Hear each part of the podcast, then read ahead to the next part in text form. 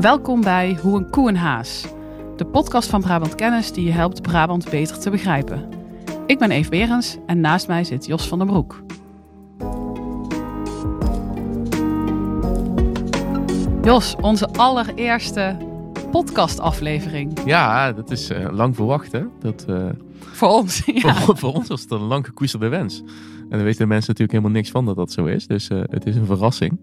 Maar ik heb er heel veel zin in. Een podcast waarin we eigenlijk gebruik maken van al die mensen die wij door het jaar heen spreken. Uh, en alle mensen die we eigenlijk geen podium kunnen bieden. Uh, om te praten met hen over, over Brabant. En over ontwikkelingen die relevant zijn voor Brabant. soms met Brabanders, soms met mensen daarbuiten. Met als doel om, om toch een beetje licht te schijnen op die Brabantse toekomst. Ja, want we praten daar misschien wel te weinig over, over de toekomst. We praten veel te weinig over de toekomst. Nou ja, jij en ik praten daar heel veel over. Maar we als samenleving uh, praten te weinig over de toekomst en hebben het te vaak over de korte termijn. Dat is heel logisch. Maar ik denk dat het heel belangrijk is dat we ons steeds verder bekwamen in het praten over de toekomst, in het nadenken over wat de lange termijn ontwikkelingen zijn en wat die betekenen. Dus wat voor gevolgen die uh, kunnen hebben. Ja, want we zeggen eigenlijk in het intro van deze podcast, hij helpt je met Brabant beter te begrijpen. Hoe dan? Ja, dat is ook een soort van, van belofte die we doen, die we nog moeten gaan inlossen. Um, maar ik hoop dat het eigenlijk licht schijnt op ontwikkelingen waar we vaak wel van gehoord hebben, maar misschien nog niet helemaal ingedoken zijn. Uh, dat het de mogelijkheid biedt om met mensen door te praten die gewoon ergens heel veel verstand van hebben. Die ons kunnen helpen om nou, een luikje open te doen uh, over die toekomst van Brabant. Onze eerste gast is Eva Rovers. Een onderzoekster, historica uit Brabant. Waarom uh, gaan we eigenlijk spreken? Ja, heel veel redenen, maar ik denk de, de, de aanleiding is een, uh, een kenniscafé dat wij afgelopen jaar ook uh, georganiseerd hebben in het kader van onze verkenning Bubbels en Breuklijnen. En toen hadden wij onderzoekers van het Sociaal en Cultureel Planbureau. En ze hebben een rapport uitgebracht, het heet Somber over de samenleving. En dat ging over de samenhang tussen maatschappelijk onbehagen, en uh, de manier waarop we daar als samenleving naar kijken. En een van de dingen die zij als een soort van aanbeveling, als een soort oplossingsrichting uh, laten zien, is democratische vernieuwing. Nou, dat is een heel groot woord, democratische vernieuwing. Daar kan je van alles onder verstaan. En Eva die uh, verstaat daar met name, of haar expertise ligt met name op burgerberaden. En ik denk dat dat een goede aanleiding is om eens met haar daarover te praten. In hoeverre kunnen burgerberaden of die manier van democratische vernieuwing ons helpen om nou ja, als samenleving misschien een beetje meer bij elkaar te blijven. Ja, interessant. Zeker ook omdat uh, in Den Bosch net zo'n burgerberaad gestart is. Ja, ik ben, uh, ik ben ook heel benieuwd uh, hoe ze daar tegenaan kijkt en op welke manier eigenlijk die, die, die redelijkheid van de, van de burger kan helpen om misschien wel hele grote vraagstukken waar we toch met z'n allen voor staan, een stapje verder te brengen.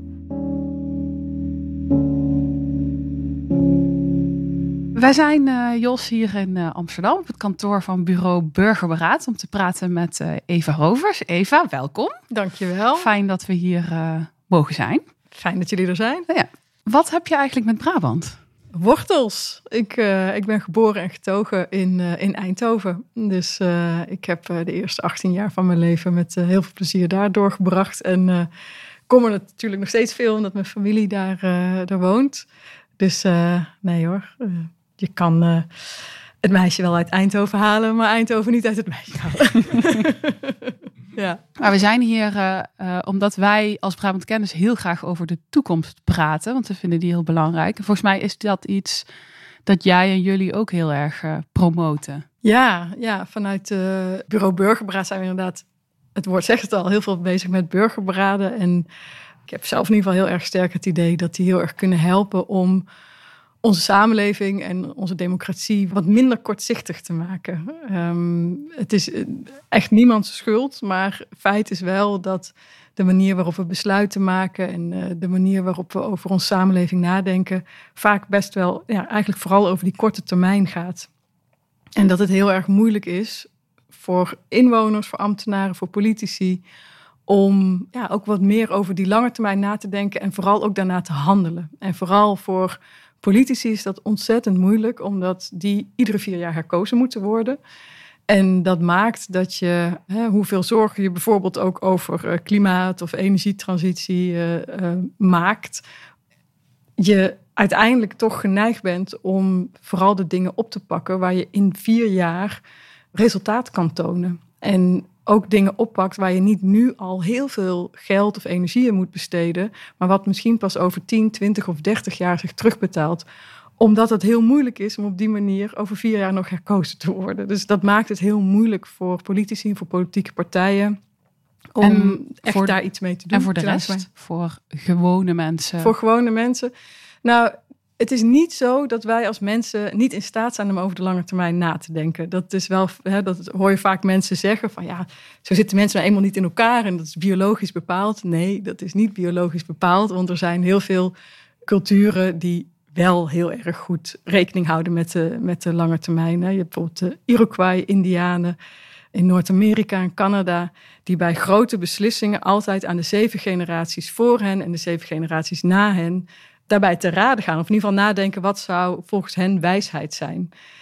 Dus het is niet zo dat de mens dat niet kan. Maar ik denk wel dat wij in een samenleving zitten waarin alles snel gaat. Waarin onze dagen gevuld zijn met to-do-lijstjes en met uh, verplichtingen en met uh, nou ja, ook constante impuls van hè, reclame en van media die nou, in ieder geval een constante overprikkeling en constante keuzes die vooral over die korte termijn gaan. Wat ga je vandaag doen? Wat moet je vanavond eten? Wat wil je nog kopen? Wat moet je, al dat soort dingen.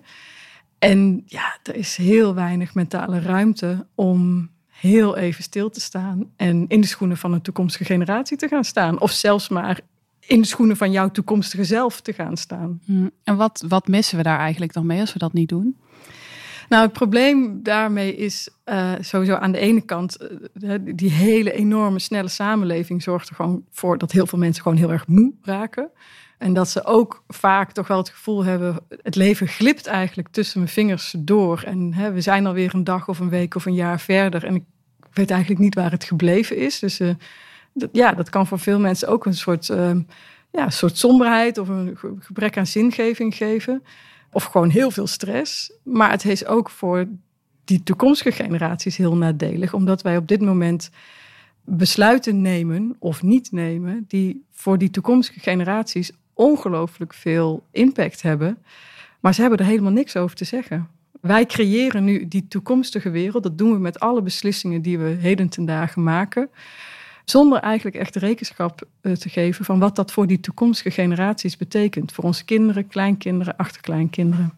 En waren we daar dan vroeger beter in? Want wij zijn natuurlijk iemands kinderen, kleinkinderen. En hebben het op een gegeven moment wel opgebouwd. Politici worden al, nou ja, heel lang uh, voor vier jaar ja, gekozen. Ja, dat is al wel een uh, anderhalve eeuw gaande. Nee, dat klopt. Dat is, dat is waar. Dus ik zal, zal ook niet zeggen dat dit alleen maar iets van de, hè, de afgelopen tien jaar bijvoorbeeld is. Maar je ziet wel dat er een enorme versnelling is gekomen. En zeker ook door uh, de komst van internet, van social media, zie je dat uh, ja, er een enorme versnelling op allerlei gebieden heeft plaatsgevonden, ook wat betreft technologische ontwikkelingen. Dus het is niet zo dat het vroeger allemaal beter was, dat wil ik niet zeggen, maar het is wel gewoon nog meer versneld. Maar het is absoluut zo, hè, dat, dat is een hele beroemde uitspraak van een Amerikaanse politicus ergens begin jaren tachtig, die zei van ja, waarom zou ik nu mijn politieke kapitaal besteden aan het probleem van iemand in 2010? Weet je, dat, ja, dus het, het is niet zo dat het toen niet speelde, maar we zien dat het wel heel erg ja, versneld is. Dat maakt het wel problematisch, zeker ook omdat we met onderwerpen te maken hebben. En dat is misschien wel ook echt een verschil met bijvoorbeeld 50 jaar geleden die heel erg van de lange termijn zijn. Dus als het bijvoorbeeld gaat over uh, klimaatverandering of de dubbele vergrijzing waar we het mee te maken gaan krijgen. Dat zijn onderwerpen waar je, uh, die je inderdaad heel lang kan negeren en op een gegeven moment gewoon niet meer een probleem zijn, maar echt een crisis. En dat is denk ik wel een verschil met 50 jaar geleden. Dat er een aantal van die echte lange termijn problemen al een hele tijd sudderen. En dat die zich langzaamaan tot crisis aan het ontpoppen zijn. Omdat we daar dus niet adequaat mee omgaan. Ja, dus omdat we eigenlijk al heel lang niet over die lange termijn Precies. handelen. Misschien denken we denken er wel over na. Denk aan, ja. dat is het Brundtland-rapport. Dat is ook inmiddels uh, eh, 40 jaar geleden, 30 nee, jaar geleden. Zeker, ja. Nee, het, het, het, is niet dat we het niet weten. Hè. Ik bedoel, als het gaat over klimaat. We hebben de grens aan groei gehad in 1972. Uh, eh, er zijn allerlei, uh, ook als het gaat... stikstof is ook zo'n probleem wat al in de jaren 80, jaren 90 al met hele dikke rapporten werd onderbouwd. Eigenlijk beschreef wat er nu gaande is.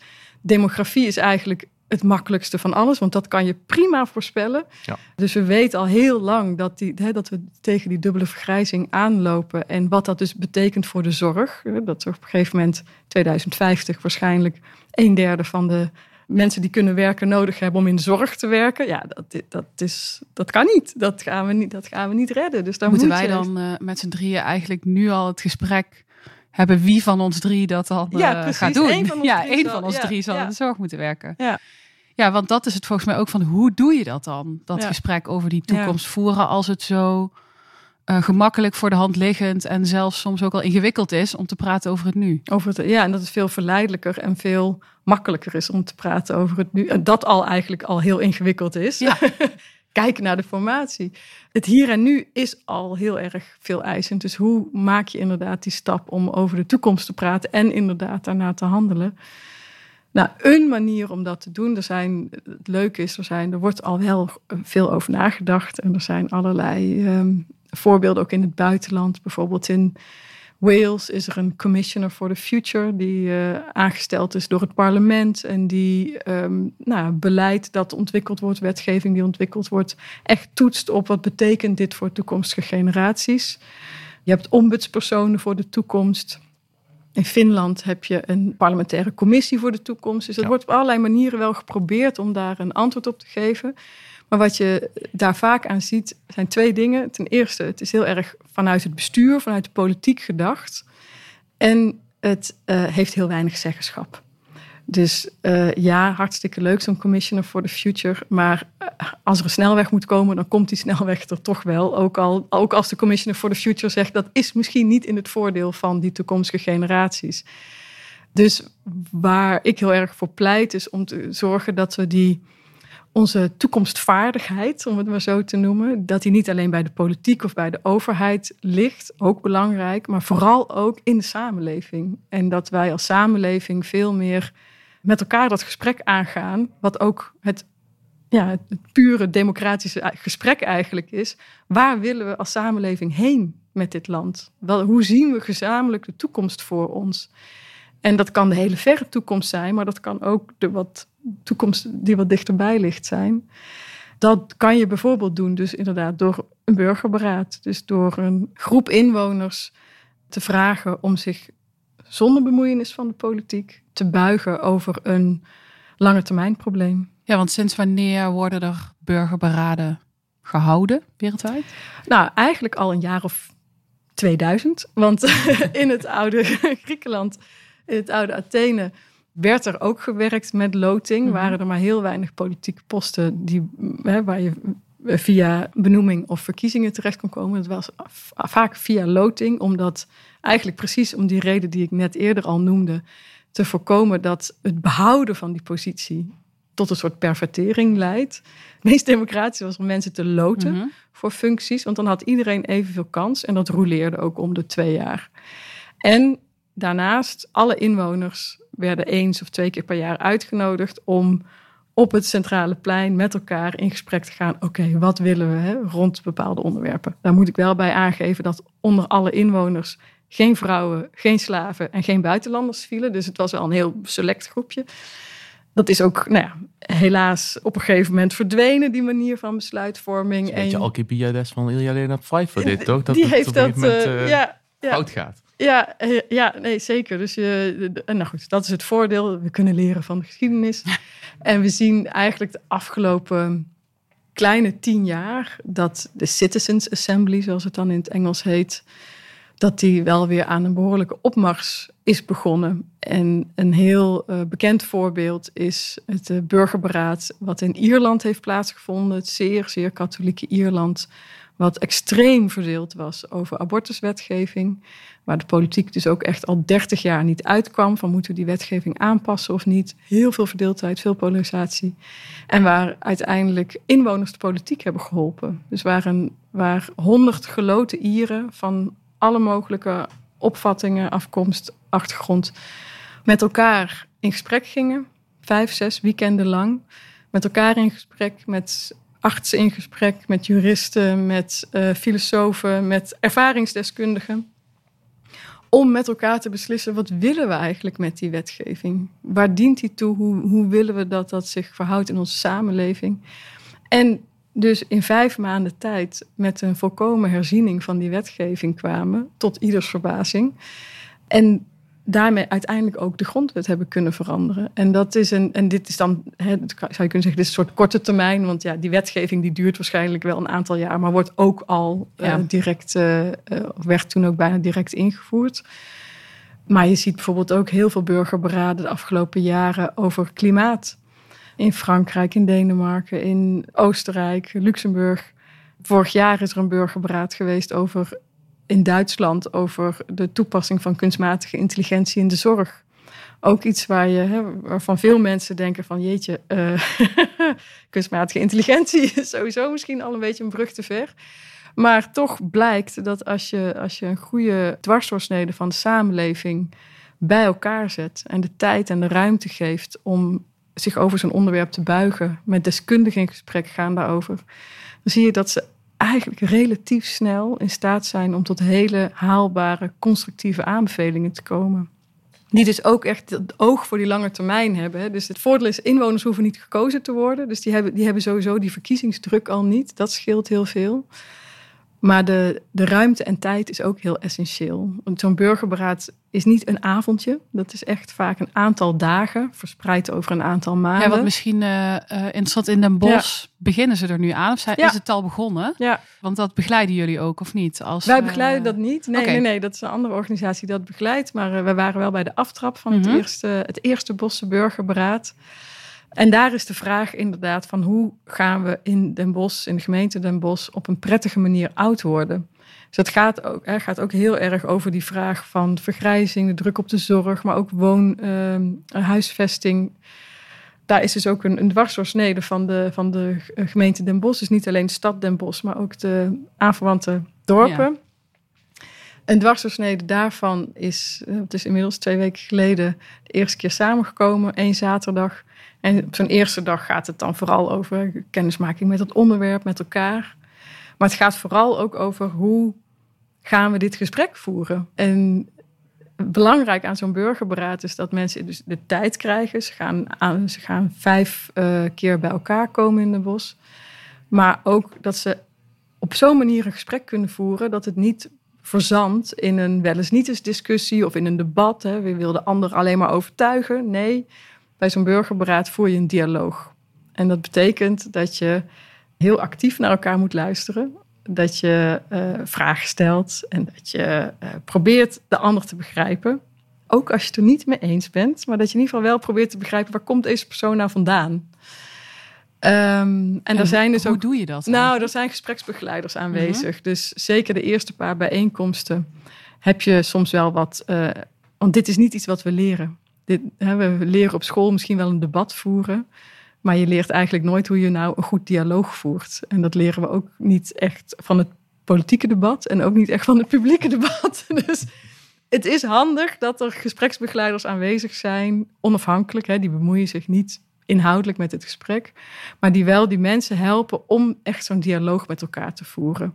En dus echt te luisteren naar wat iemand anders zegt, uh, dat af te wegen en op die manier gezamenlijk tot aanbevelingen te komen. Want dat is, zo'n burgerberaad gaat eigenlijk in drie fases. Dus leren, overleggen en concluderen. Dus je probeert uiteindelijk tot aanbevelingen te komen. En dat, ja, dat dialoog is daar heel essentieel voor. En je ziet dat uh, dus van al die burgerberaden die nu over de hele wereld uitgevoerd worden, zie je dus ook dat de uitkomsten heel vaak echt oog hebben voor die lange termijn. Ook echt voor het hier en nu, ook voor de problemen die nu spelen.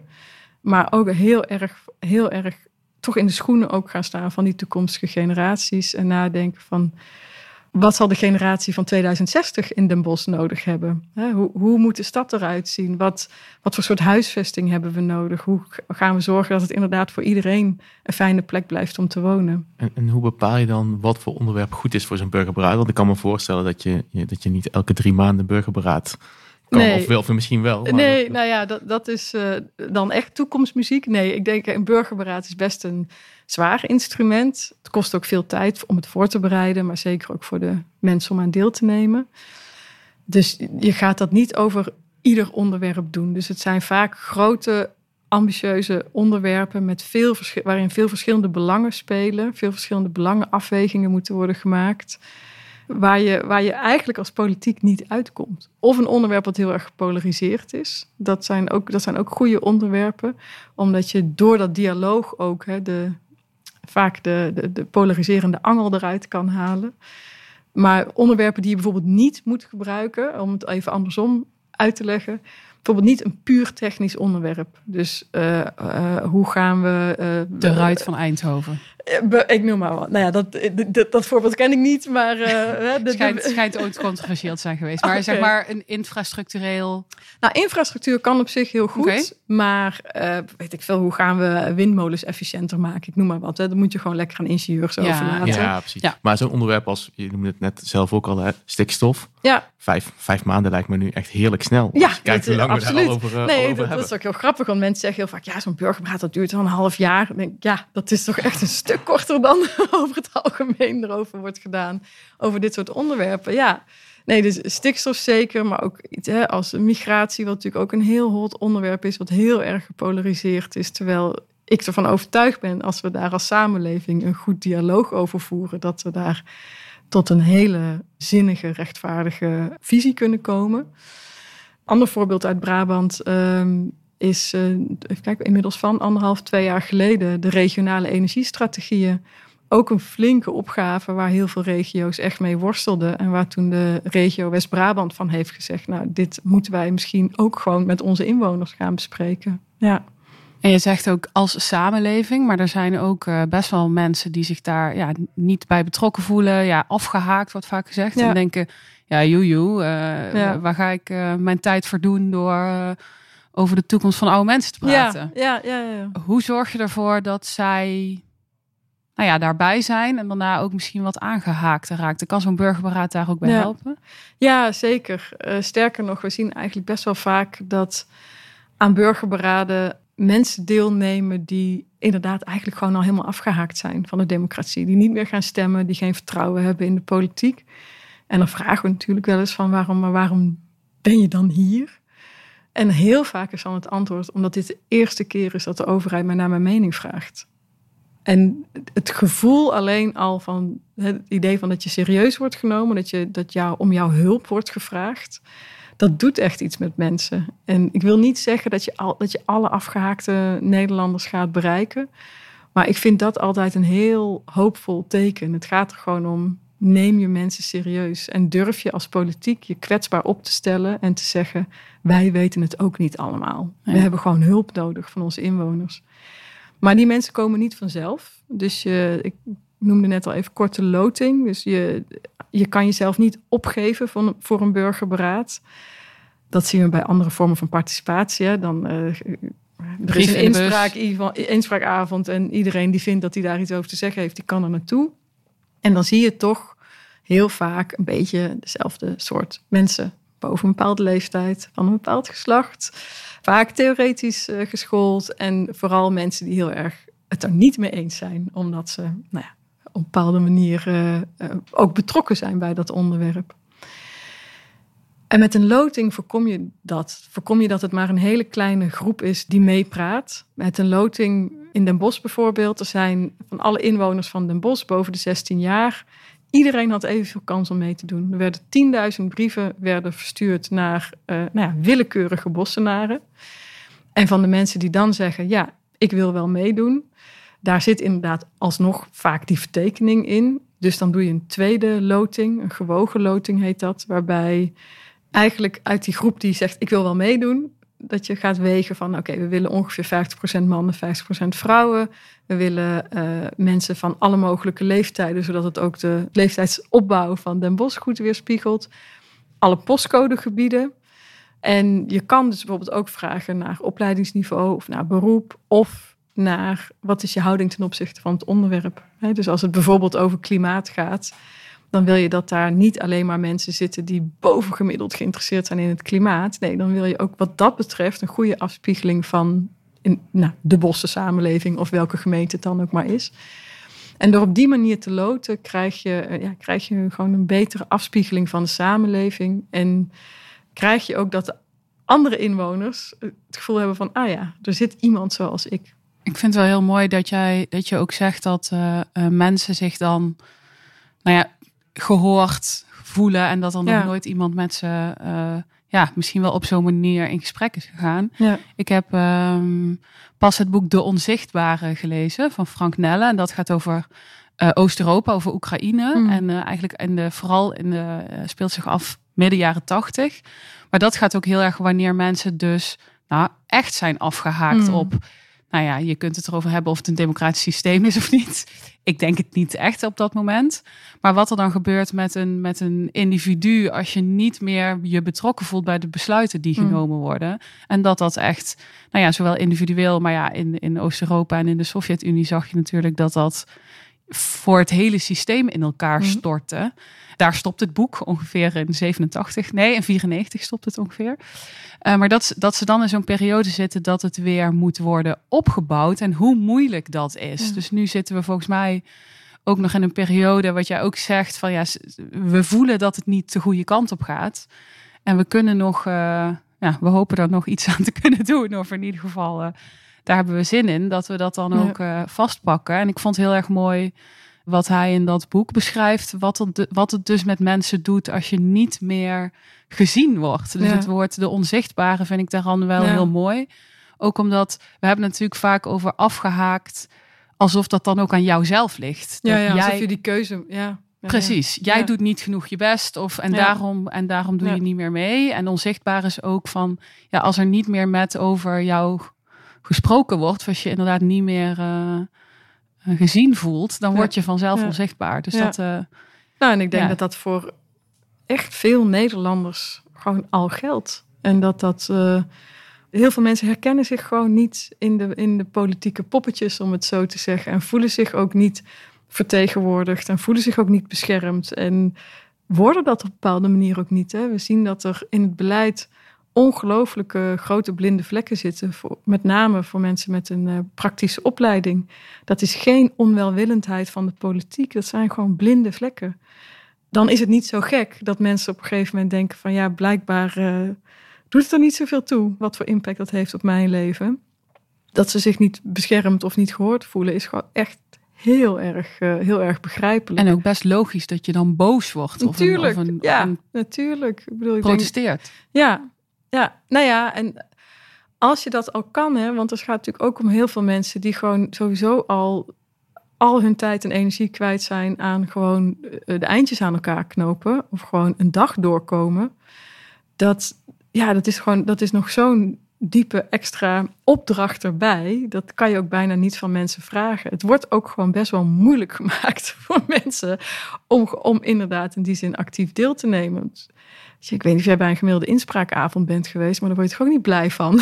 ja, nee, ja, dat is. Nee, dat moet je echt graag willen en, en tijd hebben. En, en dat is ook, dat moet ik er ook nog bij zeggen.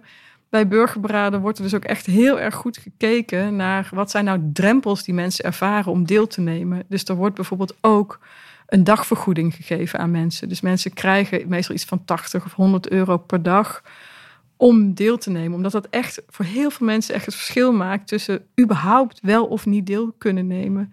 Maar bijvoorbeeld ook kinderopvang of taalbuddies. Gewoon dit, het zijn eigenlijk relatief eenvoudige instrumenten die je kan inzetten om die drempel om deel te nemen enorm te verlagen. Ja. ja. En wat is dan het schaalniveau waarop zo'n burgerberaad eigenlijk het meest effectief is? Want nu hebben we het dan over Den Bosch. Hè? Je hebt het over lotingen. Voor loting heb je natuurlijk wel een bepaalde massa nodig om die loting en die gewogen loting te doen. Op een gegeven moment heb je, de mensen, heb je geen mensen meer over. Hè? Zijn daar ervaringen mee? Wat dan? Nou, eigenlijk, uh, kijk, burgerberaden kan je bijna op iedere schaal uitvoeren. Dus je kan het inderdaad lokaal doen. Je kan het ook, hè, bijvoorbeeld, er zijn ook wel een aantal wijken waar burgerberaden worden uitgevoerd. Je kan het ook landelijk doen. Er is een Europees burgerberaad geweest. Er is zelfs een wereldwijd burgerberaad geweest twee jaar geleden. Die schaalbaarheid die is er wel. Maar ik zei het net ook al, het is wel een best wel zwaar instrument. Dus ik kan me wel voorstellen als je zeg maar rond kleinere onderwerpen of inderdaad meer op wijkniveau, dat je met name bepaalde elementen uit een burgerberaad gebruikt. Dus dat je in ieder geval loting en dat dialoog gebruikt. Dat zijn, dat zijn twee hele essentiële elementen die nu eigenlijk nog veel te weinig in, in participatie worden gebruikt. Maar die enorm kunnen helpen om een veel diversere groep te bereiken. En dus ook die perspectieven op te halen. Waardoor je gewoon ook gewoon weer een beter beleid kan maken. Ja, het zijn een soort de leidende principes, zeg maar, die je daaruit kunt filteren. Ja. Dat past ook wel bij dat de WRR heeft laatst een rapport uitgebracht over grip. En dan ja. grip op mijn persoonlijk leven. En zij geven ook als een van de voorbeelden ja, meer inspraak. Maar ze zien dat ook een beetje als een zero-sum game. Zo. De meer grip voor de een is minder voor de ander. En en met die principes van het burgerberaad probeer je er eigenlijk ook dat eigenlijk ja, te veranderen. Hè? Dat het niet zo is dat degene met de grootste mond de meeste tijd en de meeste opleiding ook de meeste spreektijd de meeste Ja, wat nu heel erg het geval is. En wat, uh, wat, je, wat nu echt een beetje de makker van veel participatie is. En überhaupt, ik bedoel, kijk naar hoe niet alleen de politiek eruit ziet, maar ook de uitvoeringsinstanties, de journalistiek. Het wordt gewoon echt gedomineerd door mensen met een, met een HBO-plus opleiding dat maakt dat het gewoon voor heel veel mensen ja, niet resoneert en, en niet voelt als iets dat ook van hen is of voor hen is.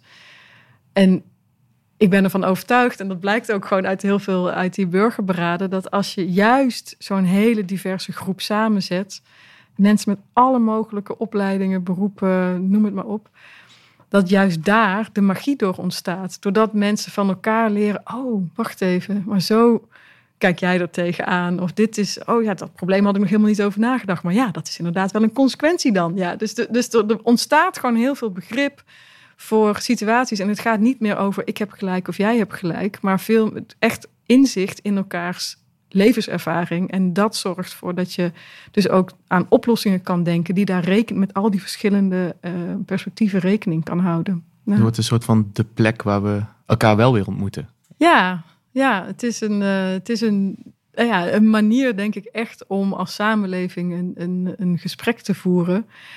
Waar we dat nu toch vooral nog ja, op social media en uh, misschien een keer in een column van een krant doen. Maar echt elkaar zien en spreken doe je niet. Nee, zeker in bepaalde bubbels zit je natuurlijk met elkaar. En we hebben daar dit jaar ook een verkenning over bubbels en breuklijnen in Brabant. En dat, je, nou, dat de vraag wel is, waar komen we nog samen? Hè? Is dat bij de voetbalvereniging? Ja. Nou, we hebben onder andere een publicatie die zegt, nou ja, het kan, maar het hoeft niet. En vaak is dat ook een bubbel. Ja. Dan is eigenlijk het, het burgerberaad als een soort bubbeloverstijgende plek is waar, waar, je dat goede gesprek met elkaar kan hebben. Waar het niet bubbelt, maar bruist. Ja, ja, ja, ja. Nee, en is, dat, is dat dan ook de verantwoordelijkheid van de politiek?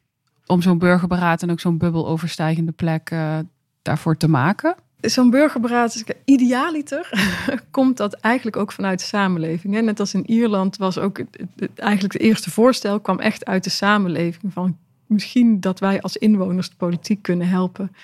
In uh, bijvoorbeeld Utrecht was het ook een clubje inwoners die zeiden van ja, we, moeten die, we hebben hier gewoon inderdaad ook een burgerberaad nodig. We moeten met Utrechters uit de hele stad, uit alle wijken, moeten we veel meer die politiek helpen bij allerlei vormen van besluit. Dus het mooie is als het, ik vind het zelf heel mooi als het vanuit de samenleving komt en dat inwoners, hè, raadsleden bijvoorbeeld erbij zoeken die dit uh, ook verder in de raad willen brengen.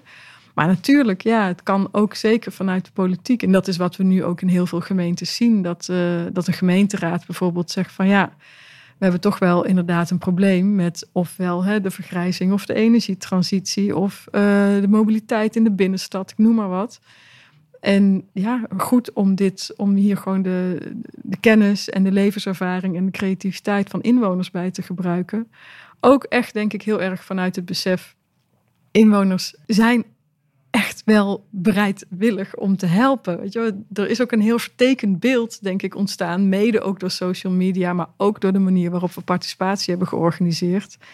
Dat we alleen maar boze burgers in Nederland hebben. Hè? En dat iedereen, als het er niet mee eens is, meteen uh, met heel veel agressie uh, ze gelijk komt halen op social media of bij een inspraakavond. Terwijl dat is zo'n kleine groep. En zelfs die groep, als je die de kans geeft om een serieus gesprek te voeren en niet meteen hè, de mond snoert en zegt van nee, dit, uh, je bent boos, dus je mag niet meepraten.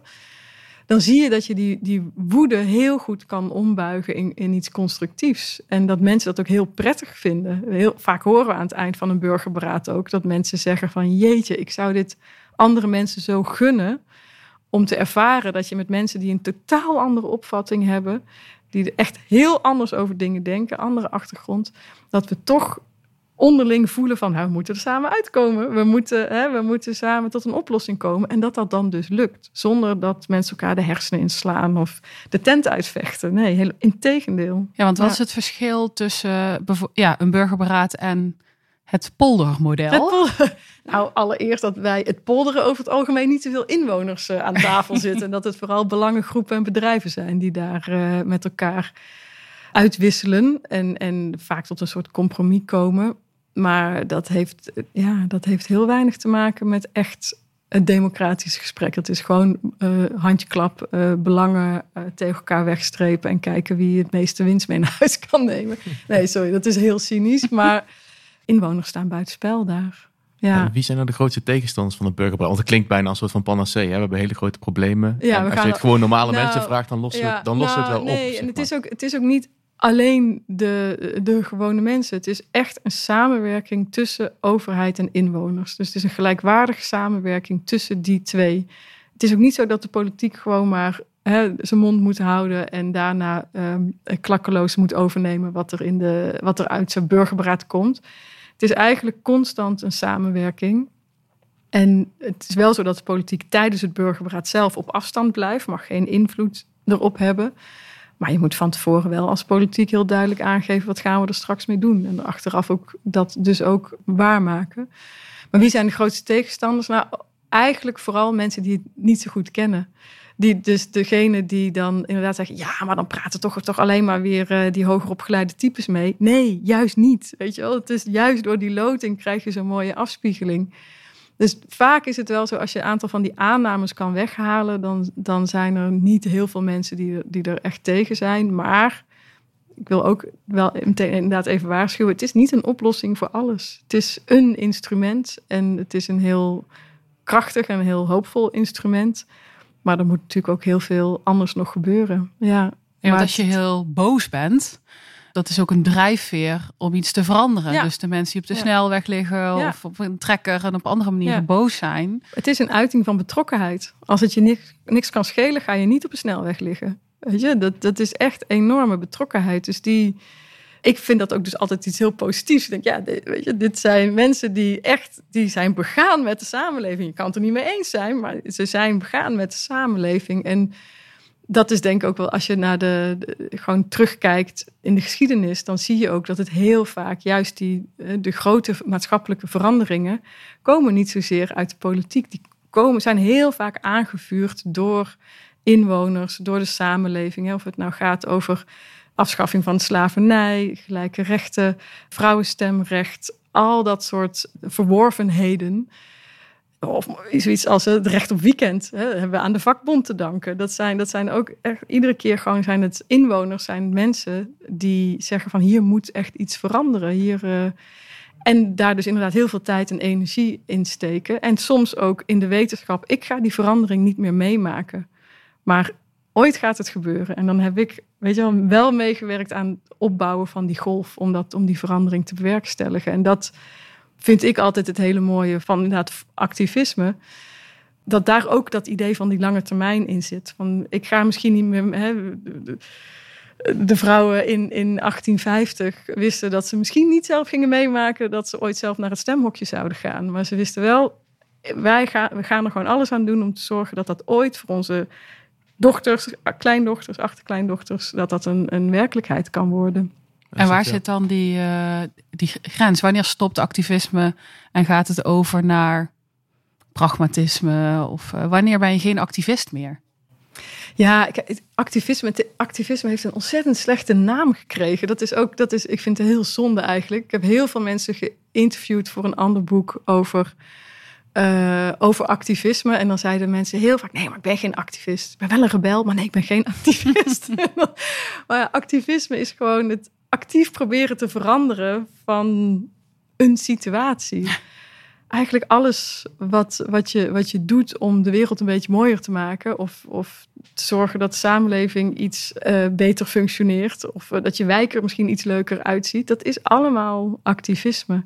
En dat kan heel goed met pragmatisme gepaard gaan. Ja, dat hoeft elkaar zeker niet uit te sluiten. Heb je ook een soort vooruitgangsgeloof nodig? Want je hebt wel een soort, je zit natuurlijk in een tijd waarin we toch wat, ja, wat conservatisme toch wat op de loer ligt. Terwijl als je in 1850 de, de, de, straat op gaat om vrouwenkiesrecht voor elkaar te krijgen, dan heb je toch het idee dat het beter kan worden. Hè? Je hebt een soort vooruitgangsgeloof. Terwijl ik soms het idee heb dat we dat vooruitgangsgeloof, dat we dat een beetje kwijt aan het raken zijn. Staat dat niet in de weg van, van nou ja, het Mm. idee dat, dat, dat je over de lange termijn nadenkt en dat het beter wordt, Ja. zeg maar.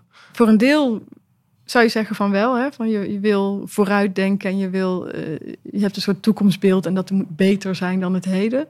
Maar een toekomstbeeld kan juist ook heel erg ingegeven worden door de wens om iets te koesteren zoals het nu is. Om iets te beschermen, om iets te zorgen dat het juist hè, dat het, dat het niet verdwijnt, Ja. maar dat het blijft zoals het is.